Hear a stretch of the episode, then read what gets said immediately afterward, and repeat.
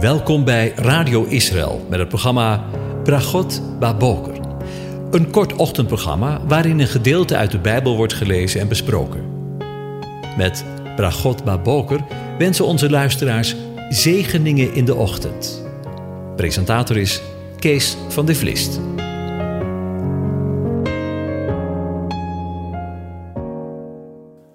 Goedemorgen, luisteraars.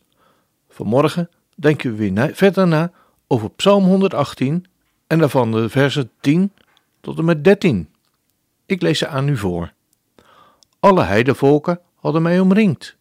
In de naam van de Heere heb ik ze neergehouden. Ze hadden mij omringd. Ja, ze hadden mij omringd. In de naam van de Heere heb ik ze neergehouden. Ja, ze hadden mij omringd als bijen. Ze zijn uitgedoofd als een doornenvuur. In de naam van de Heere heb ik ze neergehouden.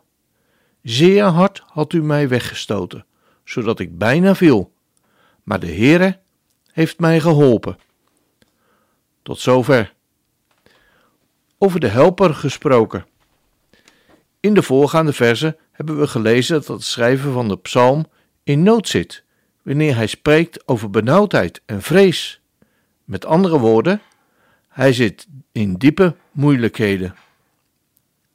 In de versen die we nu gelezen hebben, spreekt hij er tot driemaal toe dat hij omringd was door de heidevolken, de Goyim.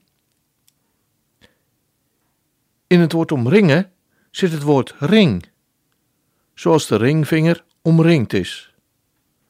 De ring is een gesloten geheel. Zo was er voor de psalmist geen ontkomen aan zijn angst en benauwdheid, zou je kunnen zeggen. Maar dat is menselijkerwijs gesproken, want daar eindigt het verhaal niet mee.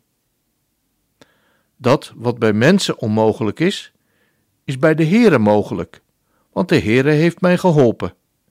Daar, waar de psalmist geen mogelijkheden meer zag, heeft de Heere geholpen, want in de naam van de Heere, in de naam van Yahweh, heb ik de vijanden neergehouden, zoals de psalmist zegt.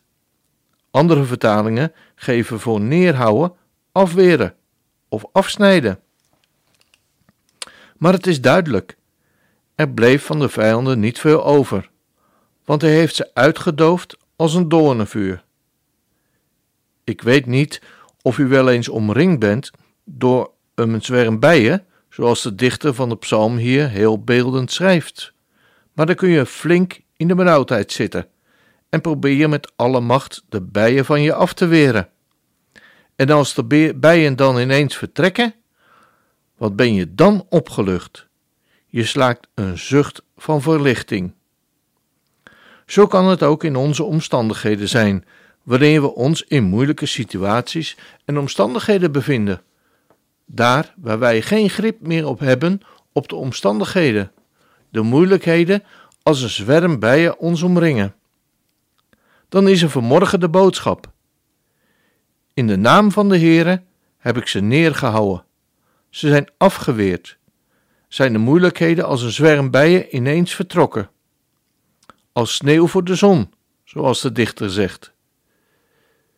Zoals het uitdoven van een doornenvuur. En het kenmerk van een doornenvuur is dat het ineens hevig kan oplaaien, maar ineens ook weer dooft. Het duurt maar even. Tja, de vijanden die hier met u worden aangesproken en niet te verwarren zijn met wat sommigen denken dat de Heere hiermee bedoeld wordt, kunnen soms ineens de kop opsteken. Maar wanneer we de naam van de Heere aanroepen, of met andere woorden, zoals ook in de voorgaande versen beschreven, onze toevlucht tot Hem nemen, blijkt Hij een helper te zijn. Betekent het dan dat alle moeilijkheden van ons weggenomen worden? Dat de omstandigheden, zoals bijvoorbeeld een doodsbedreigende ziekte, ineens weg is? We moeten eerlijk zijn. Soms is dat zo, maar veelal niet. Maar wanneer de Heere erbij is, in onze omstandigheden, wordt het allemaal anders. Ik moet denken aan een goede vriend die ik pas sprak. Hij is 67 jaar en moest niets van het geloof weten. Hij was niet vijandig, maar het zei hem allemaal niets. Mooi voor anderen die de troost uitputten, zei hij dan, maar voor mij is het niets. Tot die zes maanden geleden ineens en uit het niets s'nachts een verandering bij hem plaatsvond. Op een onverklaarbare manier. Wat het was, dat wist hij niet. In de maanden daarna was hij op zijn computer wat bij Google aan de gang gegaan en kwam hij in aanraking met de liederen van King Gaban. Het heeft vanaf dat moment zijn leven veranderd. En weer een paar maanden later kwam hij in het ziekenhuis terecht, met vage klachten. Binnen een dag ontving hij het onvoorstelbare bericht dat hij vanwege een tumor in zijn hoofd waarschijnlijk nog maar twee maanden te leven heeft. Om met de dichter te zeggen: bijen omzwierven hem, maar tegelijkertijd zijn ze uitgedoofd als een doornenvuur. In het gesprek vertelde hij mij dat hij vrede en rust heeft. Onverklaarbaar, zegt hij tegen mij, maar ik heb vrede en rust. Het is goed zo. Ziet u? De omstandigheden zijn niet weggenomen.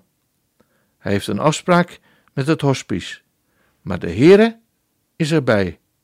Zoals de dichter van de psalm zegt: De Heere heeft mij geholpen. Ik wens u een van God gezegende dag toe.